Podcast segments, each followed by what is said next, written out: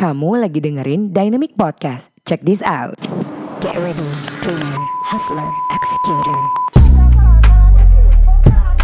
Thank you for listening to Dynamic Podcast. I'm your host Dayang Lati, founder dan juga CEO dari Dynamic Indonesia, sebuah marketing dan branding agency yang membantu para pengusaha, organisasi, hingga personality untuk berkomunikasi lebih baik agar bisa mencuri hati sehingga dapat melakukan transaksi dengan penuh percaya diri. Nah, sebentar lagi kamu akan mendengarkan cerita yang penuh kisi-kisi pelajaran dari seorang pemimpi menuju pejuang yang penuh dengan aksi. Agar segala keinginan gak hanya ke bawah mimpi. This is your Dynamic Podcast. Jangan ke bawah mimpi doang. Here we go. Assalamualaikum and welcome back. This is Dynamic Sharing, D Share, episode 2. Kali ini kita spesial lagi. Kemarin kita visit uh, locationnya uh, salah satu MUA nih, MUA. Jadi MUA. Oh iya, Sekarang tahu, lu juga MUA kan? itu adik tingkat. Lu tahu? Sering kepo Dynamic guys. Sorry. Oke, anyway, so uh, as always, dynamic sharing for Dynamic Nation yang ada di sana. Ya. Uh, we are going to uh, cerita-cerita, uh, ngobrol-ngobrol tentang uh, apa sih yang bisa lu share uh, kepada teman-teman Dynamic Nation biar mimpi mereka itu nggak hanya ke bawah mimpi doang. Oke. Oke. Jadi uh, strictly nggak boleh hal yang serius karena capek banget. Lu pada bisa lihat rekaman jejak digital dia banyak banget ya. Seperti yang ada di sini, di sini, di sini, banyak banget. So hari ini kita bakal mengulas uh, apa sih behind uh, behind the scene-nya seorang guest kita kenalan lu dong sama Dynamic Nation. Oke, Dynamic Nation. Dynamic? Nation. Halo. Uh, aku Indra Singkawang, Kalimantan Barat. Mau Singkawang nggak ya? Tahu, gue pernah ngedrive ke Singkawang. Ya. Bahas apa hari ini? Apa sih beneran? Lu tuh cerita cerita dong sama mereka. Lu yang dari Apa? Apa? dapat beasiswa. Ya, mau, Terus mau ditonjolin apanya ya udah gitunya, oke. Mau yang ditonjolin apanya banyak banget. Oke, then I will throw you first question. Sebenarnya lu tuh su- lebih suka diasosiasiin sebagai pemuda yang kayak gimana sih? Atau lebih suka pemudi?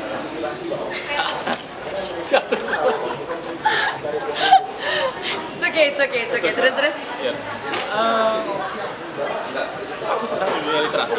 literasi. literasi. Jadi aku senang diasosiasikan sebagai anak muda yang kritikal, ya kan, yang aktif, senang literasi juga sih. Jadi basically tentang pendidikan, tentang hal-hal yang berbau tentang motivasi. Gini. Motivasi pengen jadi motivator ya? Semua orang bisa motivator. Semua orang betul. Betul nggak sih? Betul dong. Semua orang tuh punya punya followernya masing-masing. Semua orang punya followernya masing-masing. Iya dong. Menarik loh ini kayak di dunia yang kayak gini gitu kan. Yes. Lu juga concern ya masalah followernya? Concern dari dulu tuh. Secara leadership. Iya dong. Enggak follower Instagram. Oh, like Instagram, saya. follower, follower. Instagram, ya, Oh iya. sangat-sangat follower. Why? Karena menjaga aku dalam apa ya terus konsisten eh, dalam menyampaikan narasi, ide-ide. Karena kualitas konten kita menentukan seberapa kemudian itu diterima oleh masyarakat, seberapa diterima oleh follower-follower kita. Gue udah mencoba buat ini tuh nggak serius Nggak guys, serius, tapi oke, dia tapi mencoba jadi- terus. Oke, so tadi ini udah komit ya, nggak nggak nggak nggak serius ya, nggak serius. Kita bercanda kali ini, guys. Hari ini kita jawabnya juga serius. Oh serius? Kali canda kali. Ini, oke, so uh, lu kan udah banyak ngalamin story ya, up and down dan whatsoever yang kalian juga bisa baca di itu. Tapi ada nggak sih cerita yang nggak kita tahu gitu? Ini kalau boleh serius ya, ya cerita yang nggak kita tahu, terus kalau ada unsur funny-nya tuh lebih bagus banget. Gue kasih nilai 100 buat lo.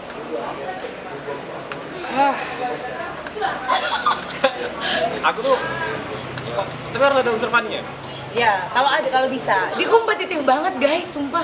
Eh, mikir-mikir eh, gini aku pernah jadi dulu itu ketika S1 itu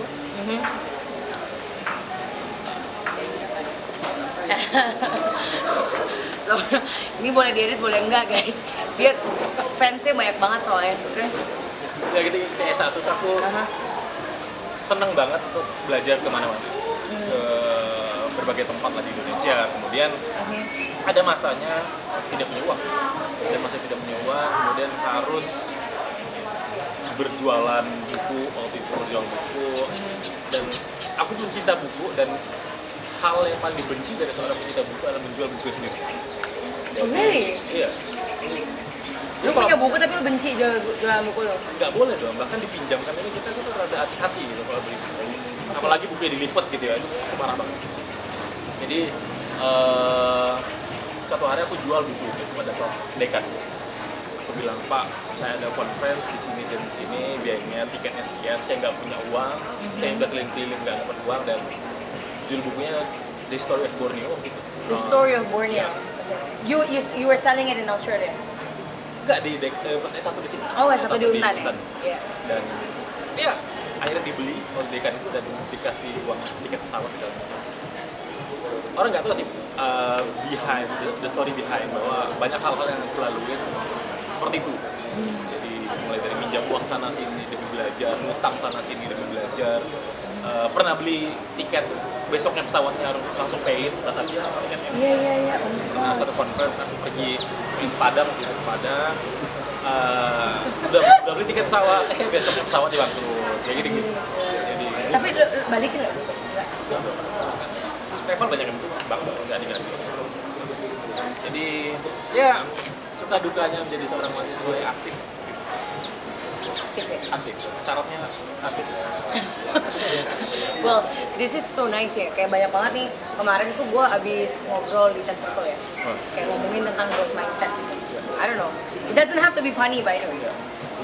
Kayak um, kita ngobrol yang kayak ketika uh, orang-orang berada di universitas, they think that they are so good, they achieve so much, they got scholarship, mereka menang ini dan menang itu, but when actually mereka selesai dari bangku kuliah mereka dan mereka terjun ke dunia nyata, kadang it's a totally new beginning. Ya. kayak lu ngulang lagi dari awal lu like really don't know how to react dan segala macam gitu. gimana sih proses lu sebagai ini, ini masih mahasiswa aktif guys katanya. Lihat deh yang suka demo-demo di jalan di Tigulis. Ini nih. Gimana sih lu? Eh, gini. masuk ke dunia. Ini seriusnya bercanda nih serius. ini serius ini serius ini serius guys. Kasian ntar gue dilempar sama Dynamic Nation bacot. Iya. ilmu itu luas. Ilmu itu luas dan salah satu caranya adalah belajar di kelas itu salah satu dari banyak cara. Jadi ketika kita belajar di kampus atau di universitas kelas tidak satu kita bisa belajar dari mbok-mbok jamu jalan dari demonstrasi di jalan dari audiensi dan orang-orang lain. Ketemu dengan orang lain baca buku segala macam. Jadi kenapa kemudian ada gap antara experience di lapangan dan experience yang kita dapat di kelas? Karena kita selama ini mendefinisikan kuliah itu hanya di dalam ruang kelas. Padahal ruang ilmu dan kuliah itu banyak banget. Dan ruang kelas itu menurut aku cuma sebagai katalisator pemancing kita untuk bereksperimen di luar. Misal ada yang belajar tentang ekonomi teori di kelas tapi daya praktek langsung berjualan langsung ketemu dengan produs produsen konsumen segala itu adalah ilmu juga yang mungkin di kelas tidak dipelajari secara real. Nah ketika kita turun ke masyarakat menurut aku ilmu ilmu out of the class itu jauh lebih berperan daripada ilmu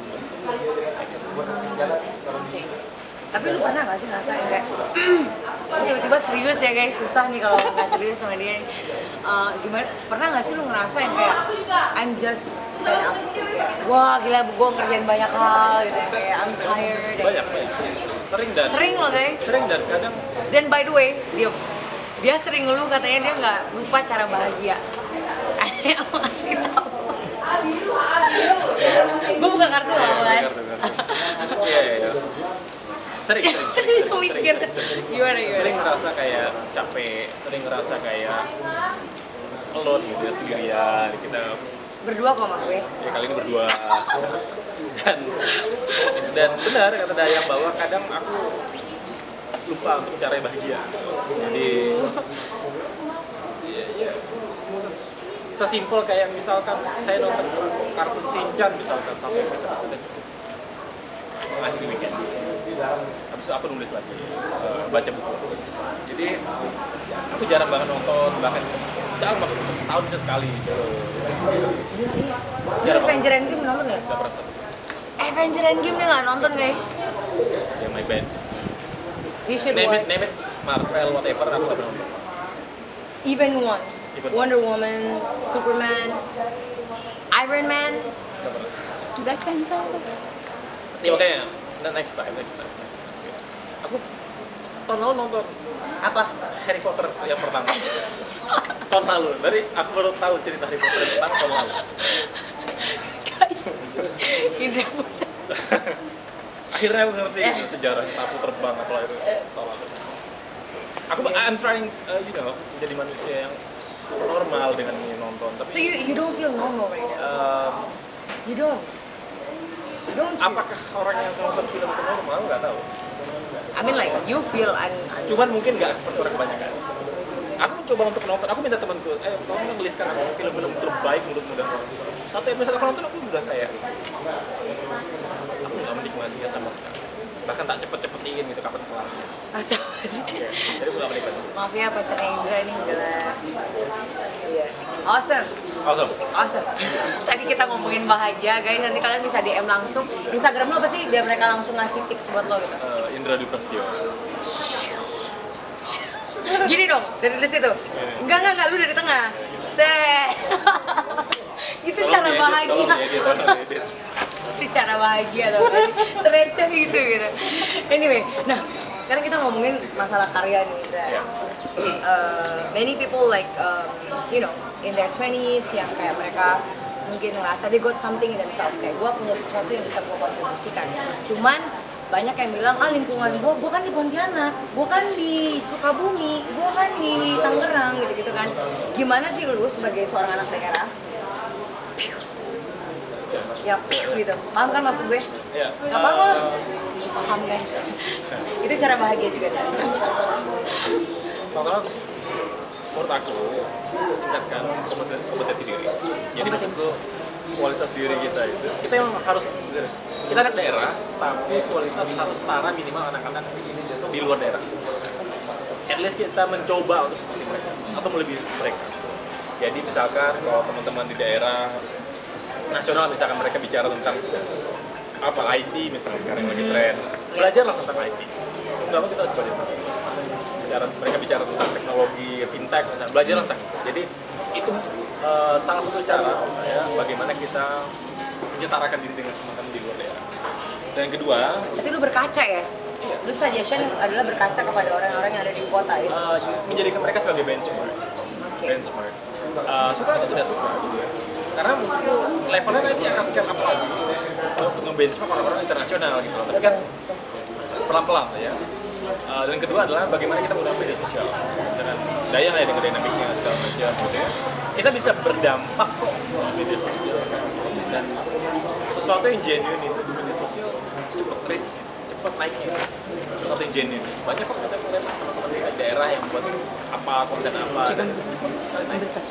jadi dua itu kompetensi diri dinaikkan kemudian make it something genuine about yourself di mana pun di daerah di kampung segala macam A- apakah lu udah ngerasa genuine saat ini? Di sosial media? ya Yes. saya senang hal-hal yang berbau academic itu bilang tadi macam I do it my way orang mungkin nggak suka dengan apa yang gue tulis tapi ya wes daripada cari menjadi orang lain ya. Iya, iya. So do you like being famous? Kok berat sekali pak? Eh, gini mau Dengan 11,7k follower maksud guys. eh, aku senang ketika karyaku berguna bagi orang. Jadi famous itu apa ya mengukur lewat dampak aja sih. Misalkan dalam suatu postinganku udah di share berapa ratus orang udah like berapa orang. Jadi berdampak bagi berapa banyak orang. Seperti itu sih ngukurnya. Gimana sih lu biar nggak obses dengan itu? Because there are so many people yang lu bilang, gue genuine, gue bikin konten segala macam. Because kebanyakan orang-orang jadi trap gitu kan. ya Eh, mana oh, gue harus bikin konten yang lebih gila lagi, Ya, konten ya. yang lebih ini lagi. Eh, Gila nih emang lihat dari sosial media. aku mencoba untuk setiap hari aktif di feed Nah, di media kalau di feed- Instagram ya Ya. Jadi ada tiga tuh biasa aku kalau nggak tips, aku akan bicara video. Kalau nggak video, aku akan bicara tentang quote gitu, atau enggak fotoku tentang itu itu aja pokoknya. Tapi yang menjadi nilai jual aku adalah caption aku. Jadi aku mungkin sedikit bisa untuk bercerita lah, storytelling. Dan orang lebih senang tulisan ketimbang foto karena dulu aku obses gitu. kenapa sih orang tuh fotonya bagus-bagus iri banget dengan orang foto aku bagus-bagus. Aku nggak bisa gitu. Terus aku lihat aku nggak punya skill di situ gitu. Dan aku jarang foto. Mhm. tapi aku senang baca dan aku senang menulis kenapa enggak menjadikan sebagai quote dan ketika aku mulai untuk menulis quote dan segala macam. Reaksinya luar biasa. Iya, orang oke. nge-share banyak quote. Dan itu di remake ulang tadi barusan sama Bang Indra aku quote lagi ya. Iya, iya, iya. Udah ketemu Indra yang itu? Yang narasi, yang... oh enggak maksudnya Oh, ada orang ada yang... orang yang nge-DM tadi Bang Indra quote-nya aku buat lagi ya dengan bahasa yang berbeda dia minta izin. Artinya aku mikir ini mungkin skillku yang bisa berdampak. Dan setiap orang punya beda-beda skill. Jadi aku nggak ketrap sih aku menikmati itu tapi emang dibuat target sehari satu sehari. Wow, ini kayaknya something yang bisa kita highlight ya buat. Nation. You don't Betul. always play on your uh, weaknesses, tapi udah strength lu apa, Ya. lu emphasize di Emphasize. situ. pasti ada Jor-joran. pasti ada pasarnya pasti ada pasarnya orang yang seneng pasti Apa sih yang lu, belum lu achieve? Lu udah uh, bikin, recently bikin apa tuh? apa di di ID, Jakarta ah. ya ID Next Leader ID Next Leader. ya itu School of Leadership lah Of Leadership di Jakarta kantor kita di Viwa Kuningan itu teman-teman Jakarta yang bisa yang mau collab. Yang mau collab, ya. Mau collab. Banyak sih belum kecil. Ya, banyak banget. Tahun ini apa yang sebut harus kecil buku kedua buku pertama tahun 2016 kemarin. Oh iya, kita nggak tahu? kan belum kenal. Ya kan? buku kedua salah satunya itu Apa sih lu ngerasa dari seorang anak daerah yang kemudian uh, step up your game, Ya. terus gimana sih lu nge-gather orang-orang buat sama visi mau lo? Karena kan kebanyakan mungkin Dynamic Nation saat ini yang kayak mereka uh, they wanna be, Ya. they have startup Ya. that they wanna create, Ya. tapi tuh mereka merasa sendiri gitu loh. Apalagi kita yang di daerah-daerah yang suka bunyi, Tangerang, pas segala macem gitu-gitu kan. Gimana sih lu ngumpulin strength lu itu? Apakah kita harus benar-benar move to ibu kota? Gitu? Eh, enggak, Eh, aku udah aktif di gerakan itu sejak dulu SMA semester 5, 4, 4, 5, 6 itu aku udah mulai aktif dirikan komunitas, dirikan yayasan, dirikan gerakan dan Yayasan? iya Wow. dan apa kuncinya adalah cari orang yang sevisi dengan kita nggak perlu banyak dua tiga cukup Eh, aku percaya gini deh percaya teori Maxwell dalam leadership jadi setiap orang itu minimal punya satu punya 10 follower. Minimal. Itu kita nggak bicara kualitas leadership minimal setiap orang. Jadi kita ketemu orang di jalan oh dia punya 10 leadership. Semakin berkualitas seorang itu semakin banyak. real ya. Jadi kalau misalkan aku pengen buat gerakan kemudian aku nyari orang dua tiga orang yang qualified enough Yes. aku bisa punya 100 follower yang siap digerakin kunci itu dalam semua gerakan So you don't have like to have like pew, banyak banget gitu. jadi aku cuma mencari pionir yang punya follower banyak.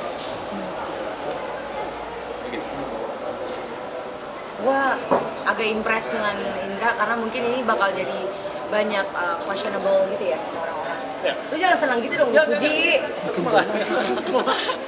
Belum, belum, belum. Gimana? Jadi lu tadi udah ngumpulin tim lo dengan cara kayak gitu ya. Berarti uh, siapa sih yang di circle lu yang sebenarnya uh, bisa lu percaya gitu ya, Iya. bisa diajak kolaborasi gitu ya. How do you gimana sih Kayak pertanyaan susah kayak mata Najwa itu gimana sih guys bikinnya? Apa saat-saat terdown lu? Misalnya kayak diputusin cewek lo atau nggak betah ya. Apa Ah, sih? pernah. Lu jangan-jangan nggak pernah, normal pernah, deh? pernah satu kegiatan Hmm. Eh, pas oh ya pas tesis kemarin S2 kita ada satu kegiatan Mhm. eh, di Melbourne dan karena pas tesis saya jadi waktu ketua waktu field manager hampir 50-60 persen panitia mengundurkan diri karena ingin fokus tesis well at the same time aku juga tesis aku juga harus menulis tesis. Tapi the show must go on. Asik. jadi titik terendah itu adalah ya ketika itu ketika teman-teman kemudian harus sibuk dengan tesisnya. Dan ya the show must go on. Aku harus menyelesaikan project itu sendirian. Nggak sendirian sih cuma dengan orang yang nggak terlalu banyak. Itu titik terendah yang sampai ya nangis. Bisa jadi menangis bahwa kayak aduh kok ini ngapain ya? Kok, kok capek-capek sendirian Iya, iya, iya. tapi ya in the end sukses How do you find the hikmah gitu istilahnya after so much uh, aku percaya namanya primus inter pares Primus inter pares. primus inter pares itu adalah the best of the best. Jadi aku merasa bahwa ketika kita diberi sebuah amanah. Apa pun itu tapi amanah itu khusus untuk amanah itu yang diberikan kita. Dan tidak orang itulah konsep primus inter pares jadi ketika eh, dikasih amanah dan merasa itu berat percayalah bahwa kalian memang orang yang tepat bagus aja pelasan mungkin. Kalau diberi ke orang lain bisa jadi nggak kelar. Ya kan? jadi just the matter of time ya kan? Ya, dinikmati prosesnya dan percaya bahwa itu tidak datang ujuk-ujuk Iya, ada pesan Tuhan. Asik. ada pesan Tuhan yang bilang eh Indra ini yang tak kasih amanah ya. Tolong dikerjakan dengan baik. Jadi banyak-banyak learning curve juga yang ini. Malah justru gue kalau gue percayanya kalau semakin susah suatu hal itu berarti the the, the price atau bukan price ya hasil the outcome that you will get is actually juga extravaganza gitu.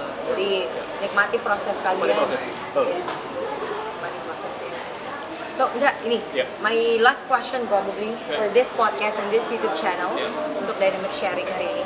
Kan kita pengen ngotak atik otak kanan dulu nih. ya dulu dan lu bilang gue lupa caranya bahagia. Tapi gue lihat gue juga stalking instastorynya dia. Dia tuh main banyak banget ya dari drum piano Yes. gitar. Betul betul. Lu betul. lu manusia apa manusia sih? Gila aku musik aku senang musik. Oh gitu? Aku senang musik. Jadi saya kadang drum di iPad. Ngedrum di iPad? Drum di iPad. Jadi ya itu salah satu apa ya cara bahagia gue tuh tahu jarang banget. Ngedrum kan kayak setahun beberapa kali? Dua tiga kali lah pak. Oke. Tapi ketika ada waktunya ada masanya Hah? ya aku ngedrum aku main gitar aku main piano. Oke, obat anti galau untuk uh, Dynamic Nation yang saat ini sedang dilanda musibah galau adalah dari Indra. berpikiran terbalik. Gue udah tahu judul judul YouTube ini guys. Indra ini berpikiran terbalik. berpikir Maksudnya, terbalik atau arti gini eh, kadang yang jelek itu nggak selamanya jelek dan sebaliknya kadang kita anggap baik nggak selamanya baik jadi kalau kita ngerasa galau karena satu hal ya iya. aku yakin pasti ada yang baik tinggal kita nemukan caranya aja nemukan hikmah di balik jadi berpikiran terbalik atas satu hal misal kita kehilangan uang misalnya itu bisa jadi emang kita kurang sedekah aja Hmm. cara Tuhan untuk ambil uang itu dari kita. Nah, dengan cara itu pahala kita tak ada jadi aku selalu berpikir terbalik untuk hal-hal yang hal yang aku senangi dan hal yang kemudian aku anggap musibah gitu ya. Iya. Nah, dengan menganggap itu aku merasa hal yang kita anggap musibah pun sebagai sebuah keberkahan yang ya wes lah emang ada pelajaran yang saya ambil. Berpikir terbalik. Kalau teman hari ini putusin pacar anggap aja Tuhan sedang menyelamatkan kalian dari orang yang salah. Nah, itu baik banget Ya kan? kalau nggak diselamatin bisa, Buat Mbak Indra. bisa terjerumus lebih dalam itu diselamatin. Tapi kenapa sih rambut lu gondrong? pertanyaan Why? Why gondrong? Why choose gondrong? Actually ini sebenarnya pertanyaan di depan guys. Cuman gue tanya nggak ya? Tanya. Gue udah ngerasain banyak banget yang berteriak gitu. ya. Kenapa sih Bang Indra banyak gondrong gitu? ini serius aja serius. Udah jawab. gondrong adalah bentuk perlawanan tanpa suara Gondrong adalah bentuk perlawanan tanpa suara. Waduh. hari-hari ini kita banyak melihat orang-orang yang stereotip terhadap fisik Oke. orang yang gondrong, orang yang tahu orang yang beranting gitu kita stereotip Lu ada sih? aku ada aku pertama tapi aku bisa mengondrongkan rambutku dan aku pikir gondrong adalah bentuk perlawanan tanpa suara di mana kita bisa bersuara kamu bisa punya rambut yang panjang tapi kalian juga bisa pintar. Kalian juga berprestasi. Kalian juga bisa punya banyak dampak. Jadi jangan pernah meremehkan orang dengan oh, tampilan fisik bukan kameramennya juga. Kameramennya. Langsung panjangin langsung ini, gitu. udah langsung fokus gitu langsung ini dia. Ya. Iya, jadi itu sih. Jadi Ah. ini bentuk perlawanan sih, bentuk perlawanan untuk beberapa masyarakat yang anggap stereotip orang. So, yay, that's uh, the, the the question and answer Yes. so far untuk saat ini. Tapi Masih ada lagi ya? we got a challenge, we got a challenge. uh, untuk seorang uh, Bang Indra gitu. Kalau seandainya lu gagal jawab ini secara cepat, Oke. maka uh, lu akan harus tiktokan bareng sama kita. Siapa guys? Pertanyaannya, Ini lagu TikTok juga bukan tau, kok lu tahu sih? Emang iya lebih tiktok? Enggak ya? Enggak. Enggak ya. Jangan-jangan lu stalking tiktok juga. Muncul di story. Oke, 11 kali 11 One, two, three, pet Dua, dua. No, wrong No Sebelas. Dua Sebelas satu empat. Oke, satu salah Oke, lima kali lima Kurang lima Puluh. Kali empat Empat puluh. Tambah dua puluh. Satu salah. Bagi dua. Bagi dua. Dua lima. Oke, bisa. Ibu kota, ibu kota Pakistan. Iya, Ah, Udah. Pakistan. Ih, parah dia geografinya jelek guys. Jelek geografinya. Oke udah salah tiga ya. Salah tiga ya. Dua dong. Pakai satu lupa kok. Pakistan Islamabad. Islamabad. Astagfirullahaladzim ya Allah Oke. Nggak usah lebih pintar dari lu, Ndra. Iya. Oke, udah salah tiga nih. Soal tiga di Jawa Tengah. Soal tiga Jawa Tengah betul kan? Aku Iya, lebih pintar dari dia. Geografi dia jelek banget. Oke. Sebutkan dua artis wanita Indonesia yang juga penyanyi dan dua artis Korea. Artis Indonesia yang penyanyi. Ya. Artis sama penyanyi. Oke, kita kasih waktu 10 detik. Artis Indonesia yang penyanyi. Raisa itu artis bukan?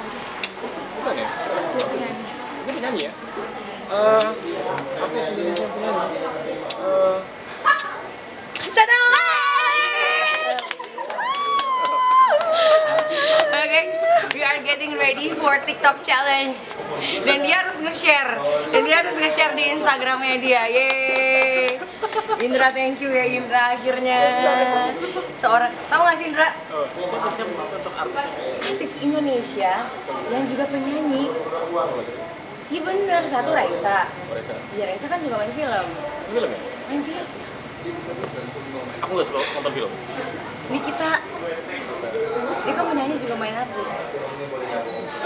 Oh, Ada. So guys, uh, ini bakal di-share sama Indra pas waktu video ini di tapping. Jadi uh, kalian nanti pas waktu ini, oh nanti di video kita juga akan kita ini kita ulang, kita ulang lagi. Oke, sip.